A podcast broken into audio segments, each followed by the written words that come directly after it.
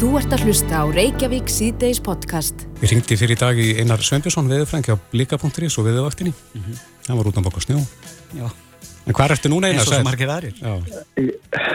Ég er komin inn. Komin inn? Já, banu orður reynd. Já, gott. Þetta var alveg fyrir séð með þennan kvellum helgina, eða hvað? Já, svona mestu leiti held ég. Um, Kanski ekki að það myndi snjóa svona mikið eins og gerði í kringum Myrtal og á Myrtalsandi. Mm -hmm. Það er óheimni sem er búið að snjóa þar og, og hérna með kera þar bara í, í snókungum eiginlega, eða svona háumröðningum Já, einmitt, en hvernig verða næstu dagar einar? Já, þetta heyriði sko að við ekki erum alltaf að reyna að opna þjóðveginn aftur núna á um klukkan 5 og hafa vildarasku til að byrja með, það segir nú kannski alltaf um ásandi því að þetta er ekki fjallvegur. Er það fyrir austan? Það er fyrir austan, það er fyrir austan vík. Já. Já, sko, næstu dagar er nú eiginlega bara þannig, fyrsta lagi það er það sem er, er, er nokkuð örugt spáni, það verður áfram kallt, það er ekkert að hlána og uh, svo er svona meira óvisa með, með úrkom og úrkom og horfur þó er nú ansi líklegt að það gerir daldinn hríðarbil fyrir austan, skaftafell austan öræði í, í, á morgun uh, þá er sem sagt uh, þá er raun og verið þetta þessi smálaði sem fór yfir Suðvesturland og Suðurland í morgun með, með snúkomunni mm. að hún, hún saminast öðru, öðru litlu gerfi fyrir sunnan hotnafjörð og þetta dýfkarat og spólast upp og gera það verkum að það hvessir á Suðausturlandi og einhverjum sunnanverðum östfjörðum mm. og með hriðarbeil þar á morgun þannig að það má regna með því að þar verði, verði ofærð svona þegar að frá líður og fram í sækir yeah. og það er svo sem búið að vara við því og svo er jæljagangur fyrir norðan og, og, og hérna og vestfjörðum og kannski frekar að tala um snjókomu heldur í jél allavega svona annisum og það er útlýtt fyrir að það gæti í norðaustunáttinni skafið dálitið með þessu nýja snjó til að mynda á stengilsverði heið og þraskuldum þannig að, að þeir sem að ætla að fara vestur eða koma vestan þeir þurfa að fylgjast vel með og það kemur ekki óvart að, að það er ófært þær í fyrramálið. Og sjáu til hvað, hvað hérna verðstakar við að gera nýru djúleira móka og opna aftur Já, en sko nú spyr sá sem ekki veit en ég veldi fyrir mig með sko vegna þess að við vitum hvernig spáinn er og, og það er þó þetta langur tími í þetta, er ekki hægt að koma málum þannig fyrir að, já menn gerir hvað menn geti og, og eins, eins vel og menn geta til að halda þessu opnu? Jú, það er nú það sem er verið að gera alltaf daga. En við höfum lokanabla óvinnu mikið kannski undanförnu? Já, menn er að vinna fram fyrir sig og, og reyna að hérna, búa sér í hæginn Mm. og hérna og síðan er þetta svo er bara vegfærendana það er líka að fylgjast bara vel með og sæta lægi og, og reyna að fara þegar það er, er hérna er betra og, og þannig vilt, mér finnst sjálfum betra að kera degi til heldur á nóttunni mm. en líka er fleira á ferðinni og, og meiri þjónustan mm. en svo er það þetta bara þannig að það er, er, er stundum það blind og bæðið það, það, það, það blind að ökum er þeir lenda bara í vandræðum Já og, og þeir, þeir festa sig að gera út í, í skapl En ég hef nú að svo, já, já, já, en svo, svo er þetta líka bara þannig að það er ekki sundum verið það slemt að, að það bara teppist allt bara mjög tildulega mjög flott Já, já, en, en sko eins og í Nóri þá veit ég að uh, það er þannig og þar getur líka veðrið orðið hryllilega leðilegt en, en þá er það á mörgum stöðum þannig að það er bara á hálftíma til klukkustunda fresti að þá fer bara ídan af stað og mann vita hvinnar það er og svo bara kemur lestin á eftir. Og svona já, halda mann samgöngum gangandi Já, það er þessi svo kallega fylgdarakstur. Þeir eru verið að fara yfir þessa fjallvegi á milli austur og vestur Noreg sem að tegja svona mjög hægra en okkar fjallvegi er flestir, margir hverjir mm. upp í, í þúsund metra hæðið eða svo mm -hmm. og, og, og þetta, ég, hafa, menn hafa verið að reyna þetta hér á landi líka með, með, með hérna ágættur raun en, en þetta sko krefst þessa aukumanninum að hann svona, hann sýtt aldrei þjálfaður og vannur mm. og, og þú þarfst að elda næsta bíla undan þér og þú mátt ekki stoppa. Nei, einmitt. Það er, er fylgdarasturðin eða sem heitir kolonnekjöringi í Noregi sko. Já. Það er lestin sem fer á stað. Já. Og það er kannski... kannski það má ekki vera eitthvað sleði hérna í miðunni. Nei, það mætti fræða byttur um þetta en, en, en, en oftast nær er verið að fara í svona fylgdarakstur þegar að það búið að vera ófært og, og, menna, og vegir hafa verið búin að vera tett eftir langa tíma og margir þurfa að koma sleiða sinna, margir í fartvegar sem þurfa, þess að fólk sem þarf að koma sleiða sinna og líka vör, þar komst með vörur. Einmitt. En einar, er, er all landi kvítt núna?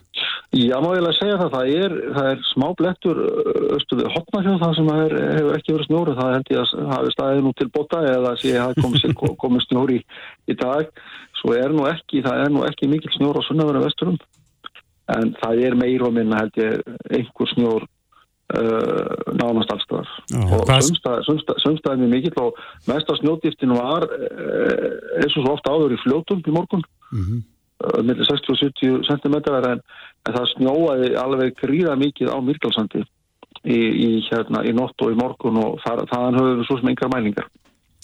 Er eitthvað skona metafalla núna varandi úrkomuna? Eh, nei, ekki varandi úrkomuna heldur ekki snóttist en það þarf að vera miklu, miklu meira en þetta sem það nú er. er við, við erum ekki komin í það sem við getum kallað sko, verulegt fannferki á landinu. Nei, nei, akkurat. En gott fyrir skeiða fólk? Er ekki bláfjöldin? Já, jú, jú, það, ég menna hann safna snjóri í skí, skíðasvæði núna, það er, gengur bara mjög vel. Er nú, er er fara, nú er þetta að fara að skoða meira sig á, á hérna gunguskiði í heimörkina sem að gerist nú ekki mjög oft. Já. Mm -hmm. ég, það hefur nú verið hægt undanfatna við þetta svona einhvern kabla oftast nær. Ok. En það, en það hefur sko, sko í vindasumurlandi eins og hér, þá hefur snjórin tilneingu til þess að sapnast í skólendi. Já og, og safnast þar upp og mynda, mynda breyður aðskapla. Mm -hmm. Þannig að það er svona hagkvæmt fyrir snjósafnun inn í skóum. Já.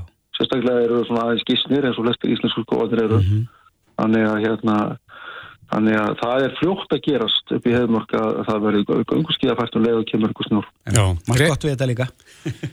Rétt aðeins í blálógin, ertu fann að sjá Gamlastag, hvernig hann verður? Uh, já, það eru, það geta allir skoða spár á netinu fyrir Gamlastag og þær eru svona með talsum snjó í einhverjum bil uh, um vestanverðlandið og, og spár lítur svo sem ekki tóðalega vel út uh, eins og staðinu núna. En það er aldrei langt í þetta og við höfum verið að sjá þessa litlu Liklu lægir sem hafa verið að mynda sérna fyrir vestanlandi í kaldalottinu og þær eru náttúrulega óútreiknarlegar og ófyrirséðar þannig að við skulum svona láta þetta aðeins býða og doka við og sjá hvað gerist í spáma morgun og hindaginn en, en vissulega er útlitið ekkert úalega gott. Nei, Einar Sveinbjörnsson veðurfræðingur hjá veðuvaktinu og blika.is hann á títjá verið þarinni. Kæra þætti fyrir spjallið. Já, takk sem leiðis. Þú ert að hlusta á Reykjavík C-Days podcast. Eru Kristófer eins og fræktar orðið þá gaf Hagstofan starfsfólki sínu frí á milli uh, jól og nýjós Já, örlæti. Hvað segir þau? Örlæti. Örlæti, ég slúst að það eruðu læti. Já, eitthvað stað eruðu læti. Já, þetta ofan á náttúrulega ofinberi starfsmenn fá náttúrulega þeir finna vel fyrir styttingu vinnuveikunar mm -hmm. ganski ólitt fólki á, á í engageranum mm -hmm. uh, það er búið að gaggrina þetta en, en fórstur Hagstofunar, já, hún sagði sko starfsfólki er bara búið að vera svo óbáðslega dögulegt Já. var bara búið að vinna sér inn fyrir þessu áttið inni mm -hmm. það eru nú ekki alveg öll já, fyrirtæki eða jafnveldstofnarnir sem að geta sko leift svona lagað Nei. og það er ekkert skrítið að þetta sé umdelt mm -hmm. og þetta er dýrt þetta lítur að vera dýrt fyrir ríkið Já, hvað kostar þetta? Er þetta að, er að er setja verðið á það? Já, það er alveg spurning. Óli Björn Kárásson er komin inga til okkar þingmaður sjálfstæðisflokksins. Verður velkomin og gleðileg jól. Gleðileg jól, strákar. Hefur þú einhverju skoðin af þessu? Ég hef skoðan á þessu eins og mörg öðru. Jáfnveil öllu. og hver er þín skoðan? Þetta er fordami sem að getur aldrei talið skott. Nú er það þannig að Hagstofan er þjónustofnun mm -hmm. e, sem er á þjónusta alla landsmenn, e, fjölmiðla líka, alla þá sem þurfa á hérna, til dæmis törlugum upplýsingum að halda eh, hann er auðvitað aðgengilegar að margan hátt á vef hagstofuna en það breytir ekki tí að þetta er óperstofnun á árinu á síðast ári fekk stofnunin rétt hæpa 1,6 miljard á ríkisjóti til reksturs og hafði síðan sértekjur uh, sölu og þjónustu styrki frá Eurostat og fleiri vegna þess að þeir eru alþjóðleiri samfunnu sem skiptir miklu og reksturinn kostaði rétt tæpa 1900 eh, miljónur, 1,9 miljardar rétt tæplega. Það eru 120 stöðugildi og senast ári hjá Hagstofunni. Eh, Starfsmyndinur eru litið fleiri en þetta eru 120 stöðugildi og launakostnarinn er rétt svipaður og framlega ríkisins til stopnurinnar eða tæpir 1,6 miljardar.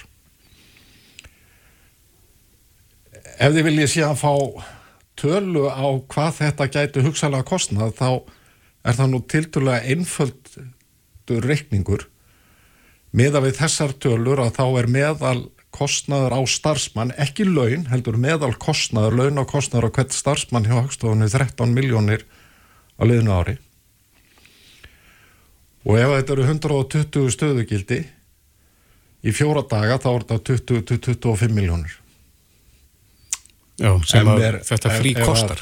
Já. Ykkur, okkur. Mm -hmm. En þetta er þjónustustofnun, segir þú? Já, þetta er þetta þjónustustofnun, þetta er mjög mikilvæg þjónustustofnun. Ég hef átt í gegnum tíðina bæði í mínu fyrralífi sem bladamæður, skrifandi viðskiptafréttur og fréttur um efnaðasmálinn, svo sindri þekkir manna best og þú, Kristófur, líka þegar ég var hér á bylgjunni í Fornöld mm -hmm. á mótnana með ykkur Þorgeri þá átti ég og á mikil samskipti við hagstofun og starfsmenn henn og þetta eru framúsgarandi starfsmenn. Uh, og það er ekki að kasta rýrð á hérna á stopnununa þegar að það er gaggrínt þessi ákvörðun að veita starfsmennum frí á launum. Uh, það er eitthvað sem að gæti nú komið til skoðunar þegar að fjárveitingavaldið fer yfir það hversu háar fjárhæðir skuli renna til stopnununar á komandi ári eða réttar þess að árið þá 2024 vegna þess að fjárlög komandi árs eru þegar afgriðt. Er það að segja að þetta verið tekið inn í Nei, menna það hlýtur þetta, hlýtur þetta svo spurning hlýtur að vakna að ef að stopnunum til sig sem að hún hefur verið reikið með halla mm -hmm. þó að senast ár hafi verið svona uh, skára heldur en árið þar og undan að þá hlýtur svo spurning að vakna hvort að stopnunin stopnun sem telur sig hafa burði eða getur til þess að veita hérna fólki frí í næstum heila viku mm -hmm. á launum eh, hvort að eh, það sé ekki eitthvað í skipulegi hennar sem gerir það verkum að það sé hægt að ná betri árangri í rekstri mm -hmm. sem hefur verið framhúsgarandi að mínu viti, framhúsgarandi þjónusta heldur en raunbervitni og spara þá þessar 20-25 miljónir sem að þetta kostar mm -hmm. En hvað finnst þið sér líka bara um þessar útskýringar uh, þegar yfirmæðurinn stígur fram og segir já þau eru bara búin að vera svo ábáðslega döguleg ég, ég dregða bara ekki efa mín reynsla af þeim starfsmönu sem ég hef átt mest samskipti við er að þetta er fólk sem er bóðu og búið mm -hmm. að rétta manni hjálparhönd leiðbeina menni um óra vítir hagtalna mm -hmm. En það er líka bara sérstaklega skemmt efni mitt. En þetta, já, já, en þetta er líka bara en, starfið þeirra. Já, já, og þetta eru þetta starfið þeirra. Og þau fá leim fyrir Ef að þetta er og ég, ég dref ekki efa að þetta mat fóstjóra hagstofunar um að starfsmenn hagstofunar hafi lagt mikið á sig já, já. E, sé rétt. Mm -hmm. en það á líka við um nær alla aðra starfsmenn sem að ég hef kynst hjá hennu ofinverð mm -hmm. ég á til dæmis já, ég held til dæmis að mjög margir kennarar hafi unnið afreikjir e, á tímum COVID. Ég held að hjógrunafræðingar og læknar hafi unni kraftaverk hér á COVID tímabilinu og hafi þá unni að hvað? Ársleifi á launum. Mm. Hver, ætlum, hvert, hvert ætlum við að fara? En þetta ekki nefnilega getur líka bara verið fordæmi skefandi. Ég menna það aðrir munu vilja bara fá slikt í saman. Ég held að vísu að viðbröðin bæði frá atunlífinu ég heyri hvernig forráðum en samtaka atunlífsins tala. Ég heyri líka hvernig fósætis, nei, fjármálar á þeirra mm -hmm. talaði og tók mjög afgerandi e, til máls í þessu. Húnum fannst þetta miður að þessi ákurinn hafi verið tekinn og e, það er alveg ljóst í mínum huga að þessi ákurinn verður ekki fordæmisgefandi fyrir aðra fórstjóra ríkistofnuna. Kannski sem betur fer á. var þetta gert hjá þessari stofnun vegna þess að hún kannski er ekki jafn mikilvæg dagstaglega fyrir okkur, þó hún sé mikilvæg Já, við ætlum reyndar að fá hana til að reikna út kostnaði við þetta í dag en það var lokað. Já, En, en Óli, En bara veikar ekki mín. Já, akkurat. En e, sko, spurningin er líka, hefur, hafa ríkisfórstjórar heimild til þess að gefa fólkinu sinu frí? En það er kannski ekkert sem að banna þetta. Já, nú, nú kemur vel á vondan að spurja, sko, að ég sé spurður. E, ég hygg að það hljóti að liggja í hlutarins eðli að ábyrð fórstjóra ríkistofnuna sé hún er auðvitað markþætt hún er í fyrsta lagi að reka stofnununa með þeim hætti að hún sé innan marka þeirra fjárheimilda sem þeim er sett á hverju ári að starfsemi stofnunarinnar sé skipulöð með þeim hætti að þjónustan sé góð og skilvirk og sinni þörfum og sinni þörfum þeirra sem þurfa á henni að halda Mhm. og að starfsmennindi séu ánæðir í starfi ég hef að þetta séu þe- þessi svona þrjú megin verkefni sem að e, fórstuðum en stofnana verða að hafa í huga Já, en ber þeim Það- að veita þessa þjónustu uh, á þeim dögum eh, sem það er segja fyrir utan rauðudagana. Já, ég, þeim sem Lít sagt lögum að, að sinna þeirri stildu sinni. ég lít þannig á að stofnanir ríkisins eigi að vera opnar þegar að atunlífið er starfandi á virkum dögum utan helgita það er alveg ljóst í mínum huga auðvitað geta komið tilfelli þar sem að stofnanir taka ákvörunum það að, að taka kannski einn auka frýta vegna einhverja starfsemi e, st, e, svona félastarfs hérna, starfsmanna, ráðstefnu og svo framvegis, ég er ekki að tala um það. En myndi þá ekki ko- sko, stytting vin- vinnuvikunar, vinnuvikunar kofera það? Jú, það kann vel að vera, sko, við getum líka að tala um stytting vinnuvíkunar, sko, stytting vinnuvíkunar hefur átt sér stað á hinnum almenna vinnumarkaði. Og hún all ekki neinum erfileikum vegna þess hvernig atunlífið, enga framtaki stóð þar að verki, þá hefur það gengið ágætlega, uh, stór áfallega löst alveg minnstakosti, en hjá hennu opinbera hefur stytting vinnuvíkunar gjörsalega mistekist, gjörsalega mistekist og farið úr böndunum. Dreigið úr þjónustu stíði þá. dreigið úr, hún hefur hérna, kostnaðurinn við mm styttingu vinnuvíkunar er miklu, miklu meiri heldur en ætlað var eh, hún hefur leitt til verri þjónustu menn van áætluðu til dæmis mannapsþörf eh, í ymsum stjættum vegna styttingarinnar. Nefnir laurugluna, ég nefni Vaktavinnu. hjúkurunafræðinga og svo framvegis. Og við eigum eftir að býta úr nálinn með það. Einmitt. Rosalega ertu neikvæður. Já, þið dróðum mig hinga Svona verður maður í loka á sem maður hittir ykkur tvo. Ha, Herra, það var ljúft að fá þig. Uh, Er ekki að tala um eitthvað frekar? Já, hvernig voru jólinn hjá þér? Þau voru mjög góð, þakka Já. þið fyrir Ljúf. Þau voru mjög ljúf Ég er á mjög íhaldsum heimili Ég er á mjög íhaldsum börn sem vilja bara fá matinn sinn Hver er maturinn? Hver er... Já, það er hangilæri Já. á aðfangadag, heitt með ýmsu meðlæti Uppstú og slíku. já, já, já, Já. og svo á jóladag að þá er orðin hefð fyrir því sem eh, 30 ára hefð fyrir því að það sé hryggur sem að ég þarf að elda með ýmsum hætti en það kom ekki til að góðu vegna þess að sonu minn eh, er jólabann þannig að ég þurfti að taka að mér að elda á jóladag hérna og kunni ekki mikið fyrir mér annað í- en að ég hafði séð móðu mín að elda hrygg sem er einfaldast í matur í heimi og ég setti þennan hrygg í opn fyrir 31 ári og hef gert það öll árin síðan samkvæmt kröfu þessara barna mína Ekkert frí eða afsláttur gefin nei, á þessu heimili? nei, nei, og með rjómasalati Hljómar ávöxtum. vel, en uh, Ólífur Kárásson, þú ert ríkistæðsmaður í fríi milli jól og nýjás líka. Ég er ekki frí, ég var hérna í vinnunni þegar þeir ringduð í morgun og hérna satt þar og var að skrifa vikulega grein í morgunblæði sem byrtist á morgun. Já, Ok. Þingmann starfið.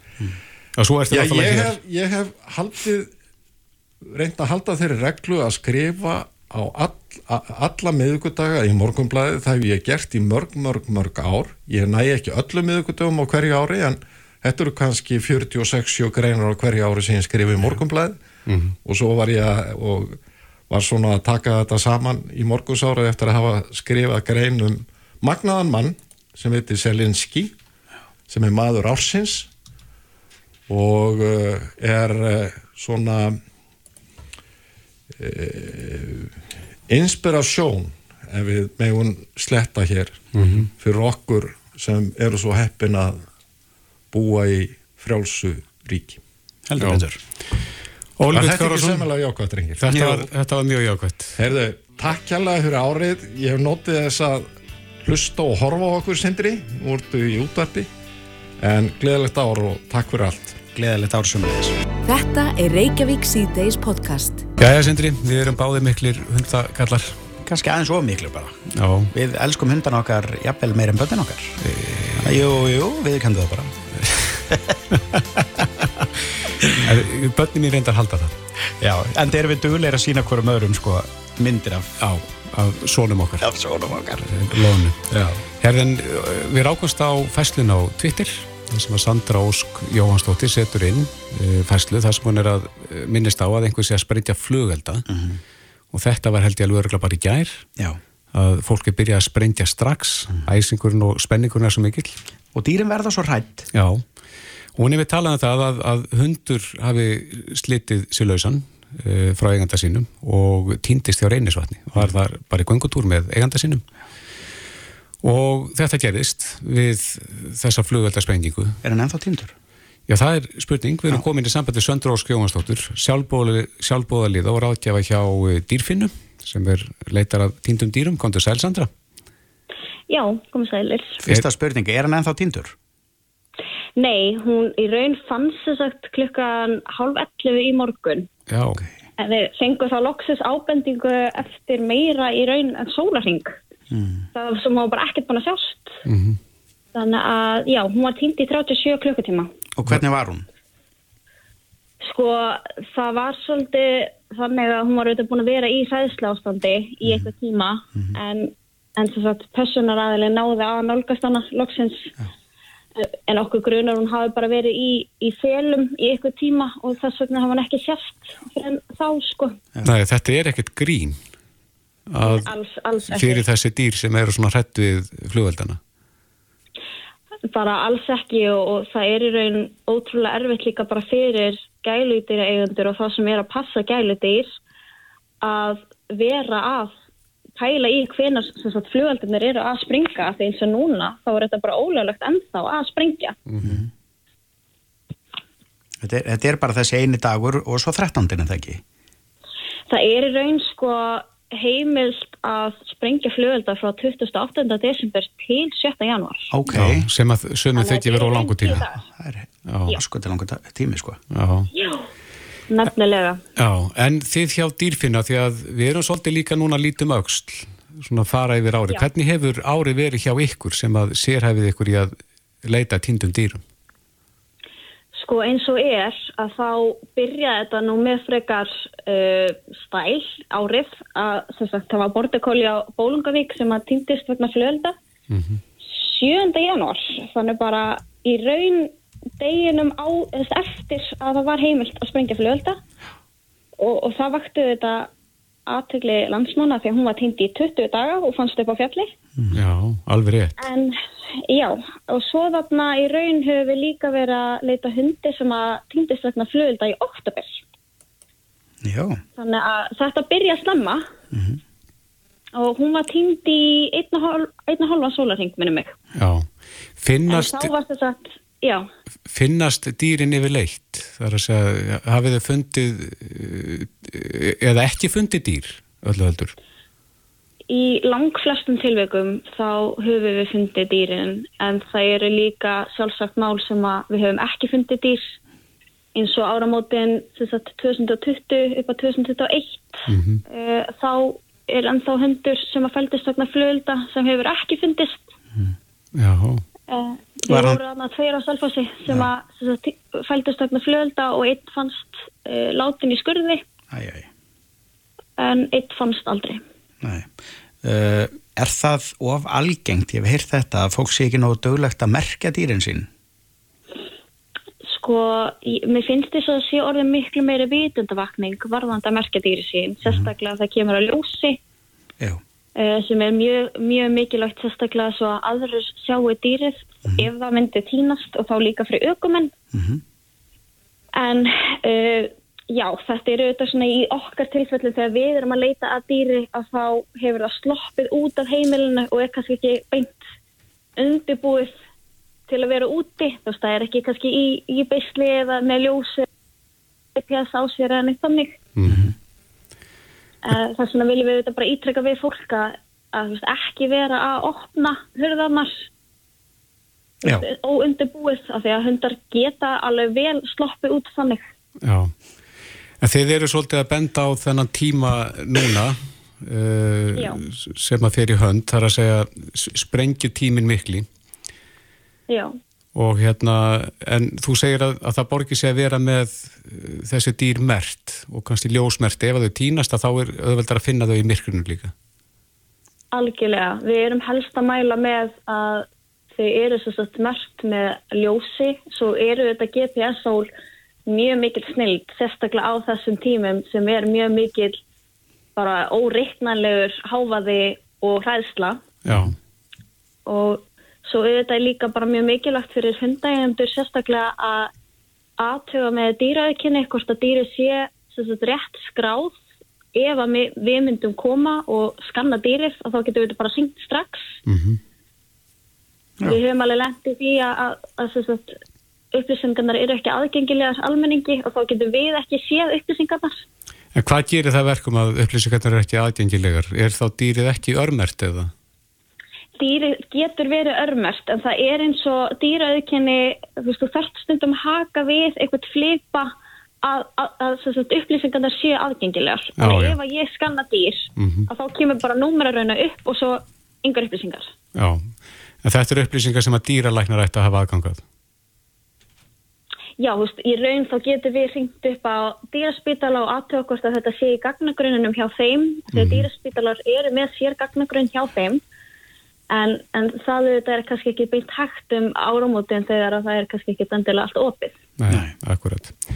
En þetta eh, nýjasta tilvík, það sem að hundurinn slapp, hann var, segir týndur í rúma 30 klukkutíma Já, 37 tíma, já. á en er, er komið til eigandi sinna eftir.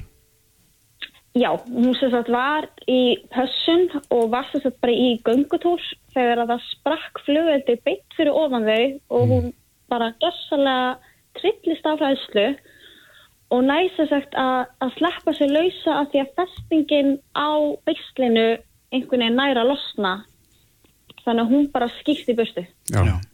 Þannig að kannski líka bara skilabóð uh, þangað út, það er greinlega alveg þá, þó þetta langur tími þar sem að má sprengja flugvelda, þannig að það sé bara gert á þeim tíma til að þá eigendur dýra geti líka bara undirbúið þau og undirbúið aðstæður. Þetta er Algjörlega. greinlega það langur tími. Þetta er nefnilega svolítið langur tími en, en við þetta viljum byggðilega hest til fólks að vera kannski bara að sprengja á 31. des. Já, helst á miðnætti. Sprengja eftir það. Já, Frá akkurat. 5 minútur í 12 til 5 minútur yfir 12. það væri óskandi. Já. En Sandra Áskjóðansdóttir, sjálfbóliði og ráðgjafi við leita týndum dýrum hjá dýrfinnu. Það er gott að, að þið séu það núti og að hjálpa til. Kæra þakki fyrir spjallið og, og Gleðilegt ár. Þetta er Reykjavík síðdeis podcast. Þeir sem að fylgdist með fréttum um helgina yfir jóladagana að þeir uh, tók eftir því að ferðamenn, erlendi ferðamenn voru svolítið að, að festast í íslenskum snjó og það fylgdi reynda sögunni að margir þeirra virtu lokanir af vettu í, lokanir fjallvega og lendu þar að leiðandi í, í hremmingum. En maður velti fyrir sér, eh, er verið að koma réttu upplýsingunum til þessara ferðamanna? Varðandi, sko, hvenar er óhætt að vera á ferðinu og hvenar ekki? Og hvernig ber að, að fara þegar að vegir eru merti lokaðir? Á línunni er Jóhannes Þór Skúlason, farangandastjóri samtaka ferðarþunnustunar, kom til sæl. Komið sælir, gleðilega hátíð. Já, gleðilega hátíð. Hvað segir um þetta? Er, eru menn nógu duglegir að koma þessum upplýsingum til ferðamanna? Ég sko, þetta er nú eins og með allt sko, það er alltaf hægt að bæta sig. Já. en, en e, ég held að það sé verið að gera vel í þessu. Þetta er náttúrulega alltaf spurningum í rauninni tvent það er annars vegar að koma upplýsingum bara um veðurfar og, og til hvað veðra geti brúið á Íslanda þessum ástíma til fólks áður en það kemur til landsins þegar það er að skipulegja ferðið sínur og svona. Mhm. og það getur náttúrulega verið flókið því við kannski vitum ekki alveg hverju það eru, það er ekkert allir á vegum einhverja fyrirtækja. e, síðan þegar að fólk er komið til landsins að þá reynum við að gera þetta á ymsan máta. Bæðir er það náttúrulega ferðaskrifstofur sem að selja ferðir. Þær reyna að koma þessu skilmerkilega til fólks. Náttúrulega ef fólk er að ferja í rútuferðir þá er það á þeirra fyrirtækja hendi að, að segja fólki frá hvort hægt sé að fara eða, eða hvað. Síðan eru við hins vegar eins og þið nefndu með fjölda ferðamanna sem að eru á einvegum, hafa raðað saman hótelum og, afþreyingu og, og, og fengið sér bílalegu bíl þar eru bílalegurna til dæmis að standa sig uh, bara afar vel, ætla ég að segja í því að koma upplýsingum til ferðamannana um það við hverju megi búast og ekki síður hvar megi leita sér upplýsingar og við erum náttúrulega að gefa út upplýsingar sem samfélag á mjög mörgum stöðum. Bæðir við náttúrulega í góðu samstarfi safe, í, í, um, um safe travel verkefni við, við landsbjörgu og, og stjórnvöld e, það er á vefnum og í appi er hægt að fá upplýsingar um þessa hluti og hvað hægt er að leita þeirra. Vegagerðin er með upplýsingar bæði á, ennsku og, íslensku. Við erum með Visit Iceland vefin til dæmis líka sem er með upplýsingar á, á bæði á öðrum tungumálum. Þannig að þessari upplýsingar er víð að, að finna en e, svo er það nú bara með þetta eins og alla aðra hluti að við getum ekki stjórna því hvað fólk gerir og uh, það er bara misjæmt bæði með elenda ferðamenn og okkur sem búum hérna að hvort við förum eftir fyrirmælu viðbrastæðilega eða hvort við reynum að meta aðstæðuna sjálf. Hvort við sjáum skilti eða skiljum það eða þar fram til göttunum þannig að það geta alltaf komið upp á alls konar svona hlutir sem er erfitt að, að koma í veg fyrir þátt fyrir að það sé uh, gott, gott val á upplýsingum á víðum á, á mörgum stöðum. Já, já. Uh, ég heyrði af því í dag að, að uh, mörg hótel út á landi uh, hefðu fengið ábókanir vegna þess að útendingar já, sem ætlaði að ferðast um landið og gista á, á hótelum út á landi þeir bara kæmust ekki út af veðrinu og, og ferðinni. Hefur þú heyrtið þessu? Já, við heyrum náttúrulega alltaf af einhverju af þessu alls konar vandamálum og, og tjóni fyrir fyrirtækin þessum tengt. Það geta til dæmis bara svona geti það í hugulund hvert tjón bláalónsins er eða grindavíkuvegurinn er loktaður allan daginn? Mm -hmm. eða, eða tjón lítils fyrirtæki sem að hefur ætlað að fara með e, fólk í fjórhjólaferð til dæmis auðvitað fjall í morgun var hægt að komast hellisæðina þetta er náttúrulega bara eitthvað sem við erum að klíma við alltaf þegar veðrið er svona og hótelin lendir þessu eins og, eins og aðrir Já. það kemur ekkert á óvart að það verði einhver rafbókanu því að fólk þarf náttúrulega að finna sér einhvern plan B Mm -hmm. og, og það er þá vantilega einhver aðri sem að fengi bókanir í staðin en, en þetta er vissulega bara mjög erfitt og sem betur fyrir þá reynir ferðarþjónustan og svona sína milli að vinna úr þessu, vera sveigjanleg eh, yfir, yfir veturinn því allir átt að segja á því í bransanum hvernig veðri getur verið hérna. Mhm. þannig að, að, að þar hefur verið mjög gott á milli fyrirtækjan að vinna úr þessu almennt séð. Um, síðan er þetta bara alltaf spurning hvernig við getum unnið alltaf betur og betur úr því að vera ferðarþjónustu land sem hefur við svona já, vetrar veður að glíma á köplum Já, Jóhannes, það er mitt sko hinn hlýðin á, á peningnum Við erum að reyna að fjölga ferðamönum hér yfir vetratíman en, en það hefur líka verið gaggrínt að vetrar þjónusta vegagerðinar sé ekki, fylgi því ekki eftir. Já, ég held að við þurfum að horfa á bæði vetarþjónustu vegagerðarinnar og, og svona kannski ímsa aðra innviða þætti. Um, við erum að byggja hér upp alltfjörnum grein í sáttu samfélagið þar sem við erum að koma inn með, með eh, gríðalegt magna gjaldir inn í landið og hluta því fjármagni að þurfi að horfa til þess að verja til uh, hluta eins og uppbyggingar á innviðum og, og fara meðan snjúmóstri. Þetta hefur svo sem verið lengi að benda á.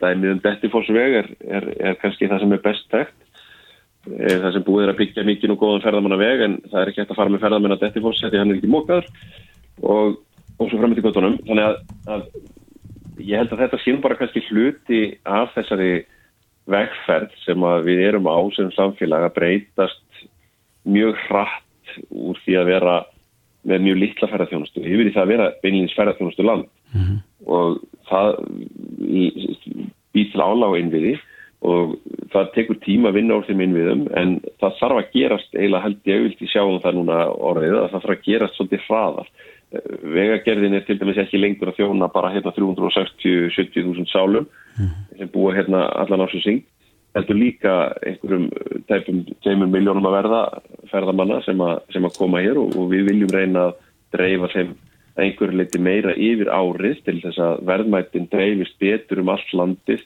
og yfir allan veturinn svo að hægt sé að halda fólki í vinnu allt árið og, og svo framvegst. Þannig að þú ert í raunin að segja að sko... Það hangir alltaf maður saman svona sko. Einmitt, þannig að þú ert í raunin að segja að það auðvitað kostar það að byggja upp þetta og ég menna að þetta eru dýr tæki og það þarf mannskap í þetta alls saman en, en það er raunin sko kannski brot með við það hvaða, kost, eh, eh, hvaða færir okkur að fá alla þessa ferðamenn og, og, og hérna eh, til að fara á allir þessu hótel og upplifa alla þessa afturrengu sem er í bóði. Það má, það má orða þetta þannig já að, að þetta er eitt af því sem við þurfum að gera alveg eins og við settum við framkvæmda sjóð ferðamannastæða til að byggja upp, upp uh, útsýnispalla og stíga og, og vegi uh -huh. uh, að helstu ferðamannastöðum. Þá þurfum við náttúrulega líka að setja peninga í, í sem samfélag í minnslegt annað eins og við höfum verið að gera. Margt bara alveg mjög gott En þetta er kannski eitthvað sem við þurfum að hugsa uh, aðeins betur fyrir og skoða hvaða er sem við getum gert betur mm -hmm. og hvort að það þarf að kosta mjög mikla peninga. Ég er ekki vissum að allt það þarf að gera kosti mjög mikla peninga. Æ. En uh, það er ímislegt varandi upplýsingagjöf og samtali á milli greinarinnar og, og viðbrasaðarna og vegagerðarna sem að eru öruglega að bæta í góðu samtali. Mm -hmm. og, hvernig, já, en hvernig lítur síðan þá kannski ferðamanna árið út uh, 2023, hótelbókanir og svo framvegis? Það lítur nú bara til allar hluta ágætlega út um, við erum með eh, tölvert svona sterka eftir spurg í gangi núna, hún er tölvert sterkari á stað eftir faraldunum en við áttum vona á. Það bóðar í rauninni gott fyrir næsta ár en það eru samt tölverið óvissu þættir í þessum, mikið af bókunum eru svo kallar flokkbókanir hjá ferðarskristof það sem ekki er í rauninni búið að selja í ferðirnar, heldur bara búið að tryggja eh, hotelpláss og aðrengarsæti og svo framins þannig að við hefum svona eftir að sjá kannski hvernig verðbólka og orku krísa og stríði í Európu eh, hvað áhrif það hefur á okkar líkilmarkaði en svona hinga til þá, þá verðast þau áhrif ekki vera verulega alvarleg. Nei, rétt aðeins í lokin, við getum ekki sleftir á þess að nefna þetta atvökk sem að gerðist núnum helgina þegar að bílstjóri á hóbílum sem er nú ferðarþjónustu fyrirtæki mm. virti lokanir að vettu í tvígang og festi rútu sína þetta getur ekki verið gott til afspurnar fyrir uh, ferðarþjónustu fyrirtæki? Nei, mér sýnist nú að, að fórsvarsmenn hópi séu að fara ofan í saumana á þessu og það sé nú ekki eitthvað sem er í stefnum fyrirtækisins eh, eins og, og komið fram hjá þeim þannig að þekkjandi það fyrirtæki ágætlega þá treyst ég þinn bara mjög vel til þess að fara ofan í saumana á, því sem að gerðist og komast að Eh, niðurst eftir, eftir sínum ferlum. Þeir eru vendala eins og allir að vera með öryggisáallum sem munum fara ofan í kjöluna um, en þarna er bara alveg eins og með alla hinna sem ég var að nefna á þann það verða um, alltaf undantekningar.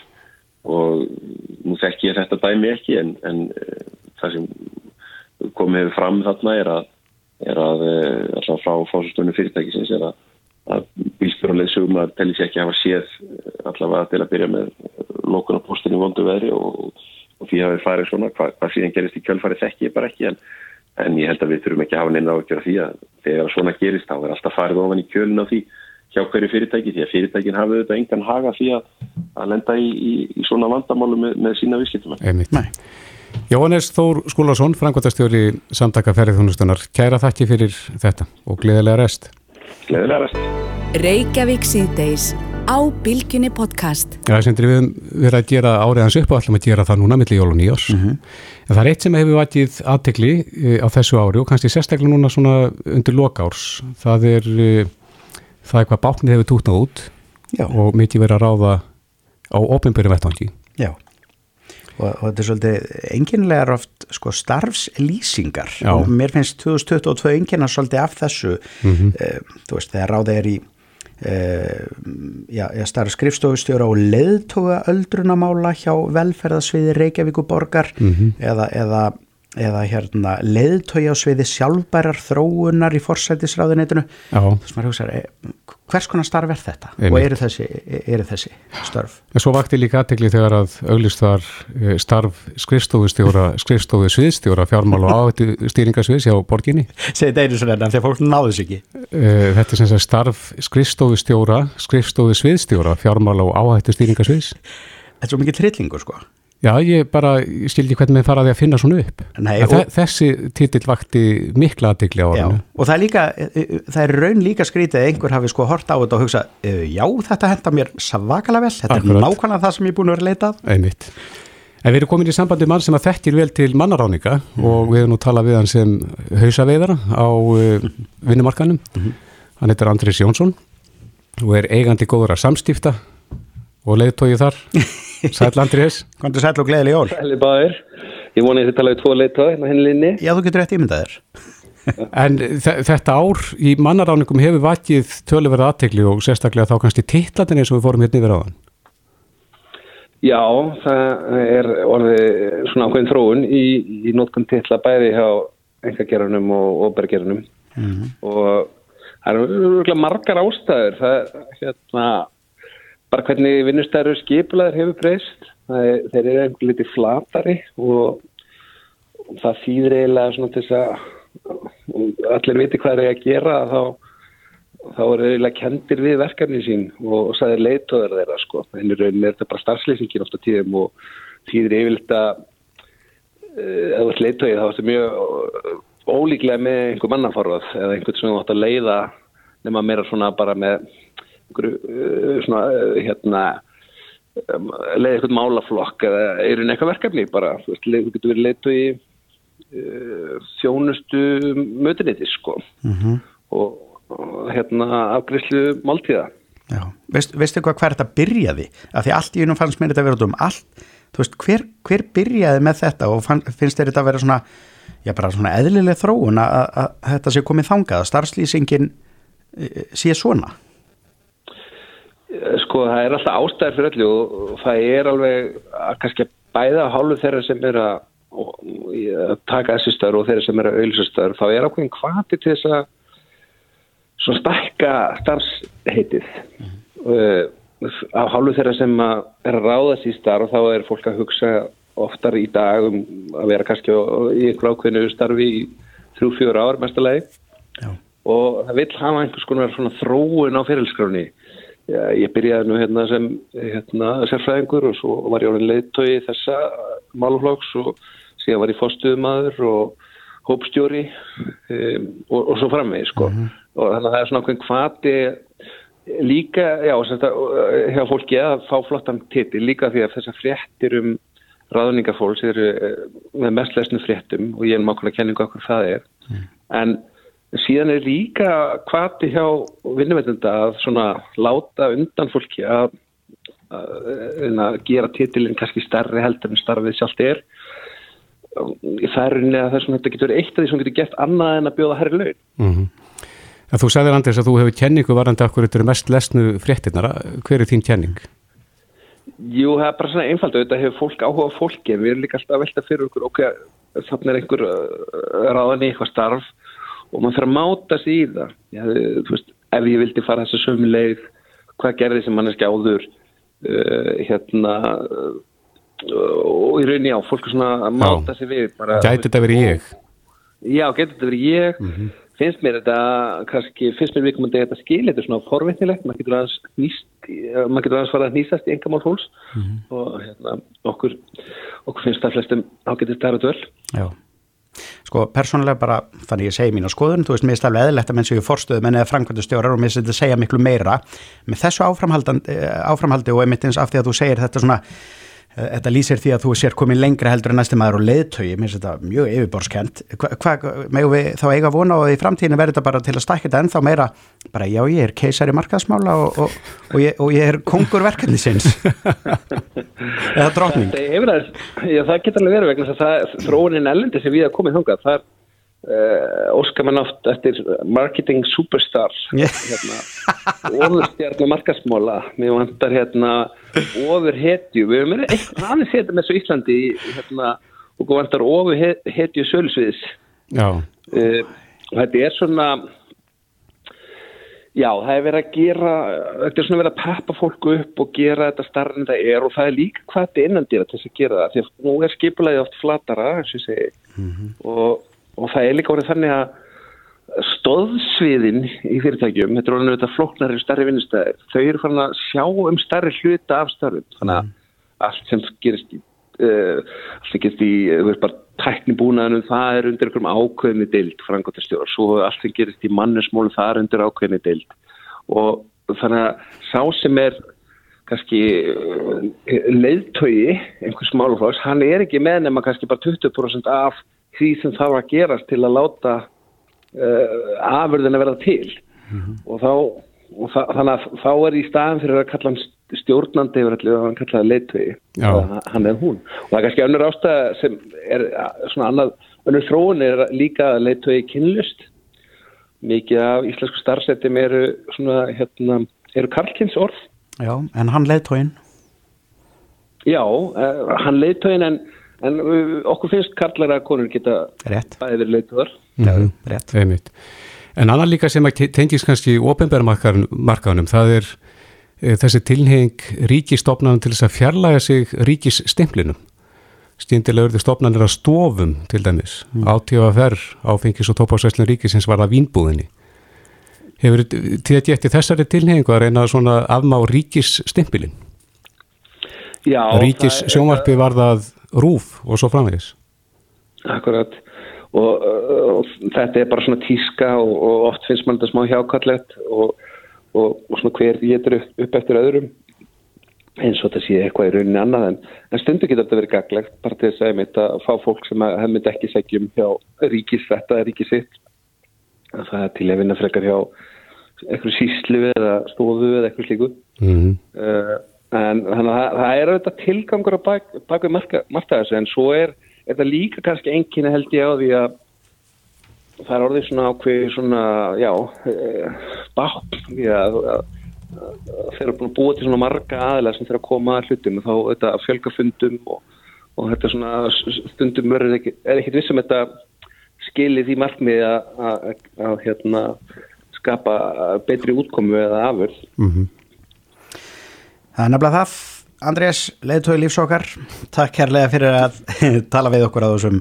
fína þriðjut, er ekki þriðjudagur í dag? Jú. Maður rugglast pínulítið út af þessum jólum. Í jólum í dag. Þriðji jólum, Þeir eru ofurheittur bylginar sem mínum að Takk fyrir þetta og gleðilega hátíð. bless, bless. Reykjavík síðdeis á Bilginni podcast. Kristófer, Já, horður á verbúðuna, já ég ger það. briljant þættir. Mjög. E- Þetta voru svona þættir sem að sko maður beigð eftir og það gerist ekki drosloft. Já, og þetta var líka svona þáttur sem að sko, þjóðin saminaðist um. Það Já. voru allir að horfa. Já, og, og svona nostalgíu tilfinningin sko. Einmitt. og ég held sko fyrir fólk svona í krigum sjötugt hafi þetta verið e, já, allavega svona til að horfa af því að þau aðaleikararnir voru á þessum e, sem sagt á þessum tíma voru þeir á þessum aldri sem fólk e, var á sem er sjötugt í dag Já, akkurat. þannig að ég held að einmitt, og, og, sko, þeir voru svo sníðir að svona henda inn svona eins og þú veist með sódastrímið og, og, og það var bara svo gaman að horfa á þetta upp á eins og, eins og mannstu atriði það sem að hérna þau reykjandi inn í kennslustofinu býðandi eftir sko kennaranum og það var bara allt í lagi Já, já. þú veist, engin í belti og engin þú veist, þetta var, þetta var svona bílaðu tími og svo fyndi það að fólk er að segja einhvern veginn allt var betri í gamla daga, mm -hmm. bara allt verra í gamla daga, Já. við vorum bara óupplýst Já, við vorum mynd svolítið á það og já, nákvæmlega þessum þáttum. já, Og svo veit ég að margir býðið til framhaldinu. Er hægt að gera framhald af þessu? já, er hægt að gera framhald að þessu já, Það er spurning. allavega þessi hópur sem að mér finnst algjörlega briljant, er þetta ekki Vestuport hó- hópur? Jú, jú, Gíslegarn og, og þau. Já, mér finnst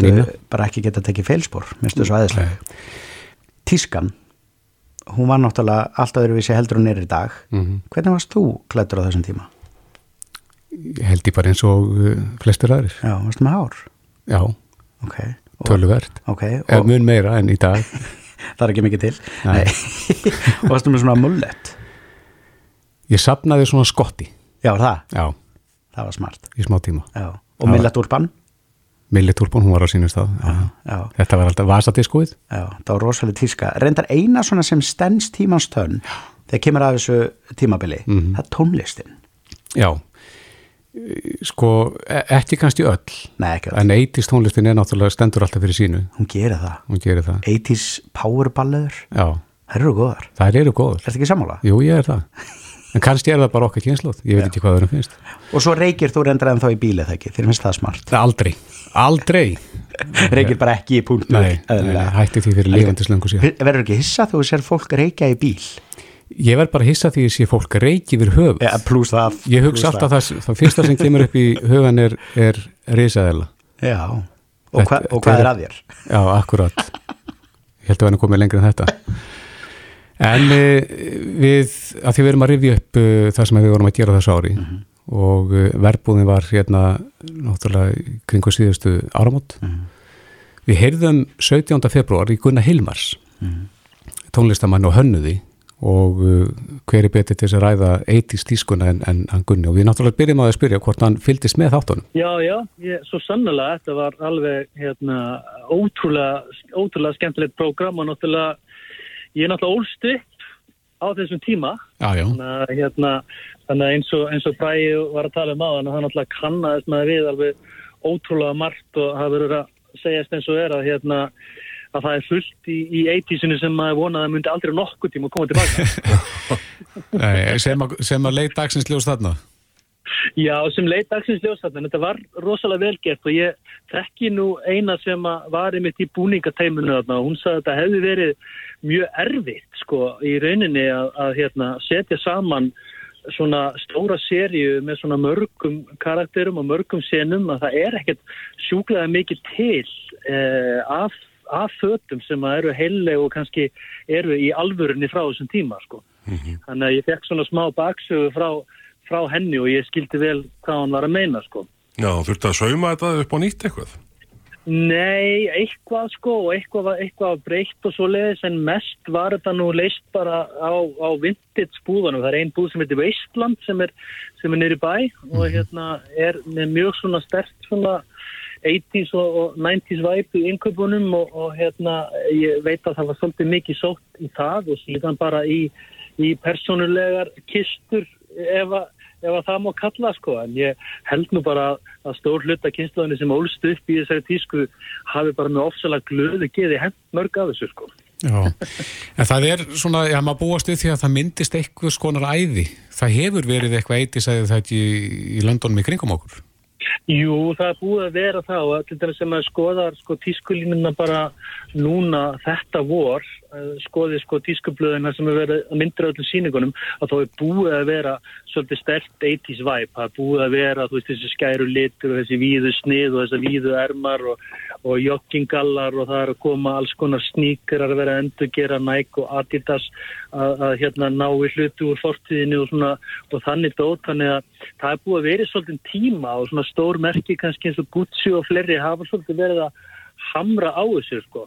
Og hérna og fyrir náttúrulega aðra kynsluður þá er náttúrulega það er að sjá þetta í fyrsta sinn og þetta er öðruvís og þessi, þessi tíska var, þú veist, rosalega svona uník sko. En ég sé sko í rauninni áhrifa frá þessu út um allt sko, síðan voru serjur sterkar líka út eins og Stranger Things og svona sem að voru, voru líka svona ákveð, ákveði periodist en síðan náttúrulega kemur bara ljós hvað áhrif þetta hefur hérna heima. Náttúrulega þetta hefur, það er engin að tala um annað heldur en verbúðina og það er ótrúlega gaman að sjá einhvern veginn svona þessum áratug summerað upp í músík og tísku og tíðaranda svona, þetta er ótrúlega vel gert sko.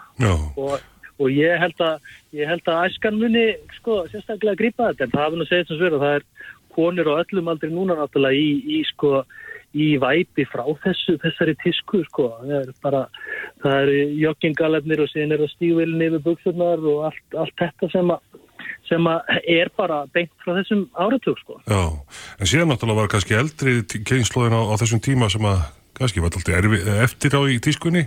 E, ég mann þetta eftir, eftir uh, ráþæra frakkanum sem er bundin í mittið. Já, uh, já, grái, neða svona brúni rigg frakkin sem að dansaði hann Jón. já, Svona bör, börberi frakkin já.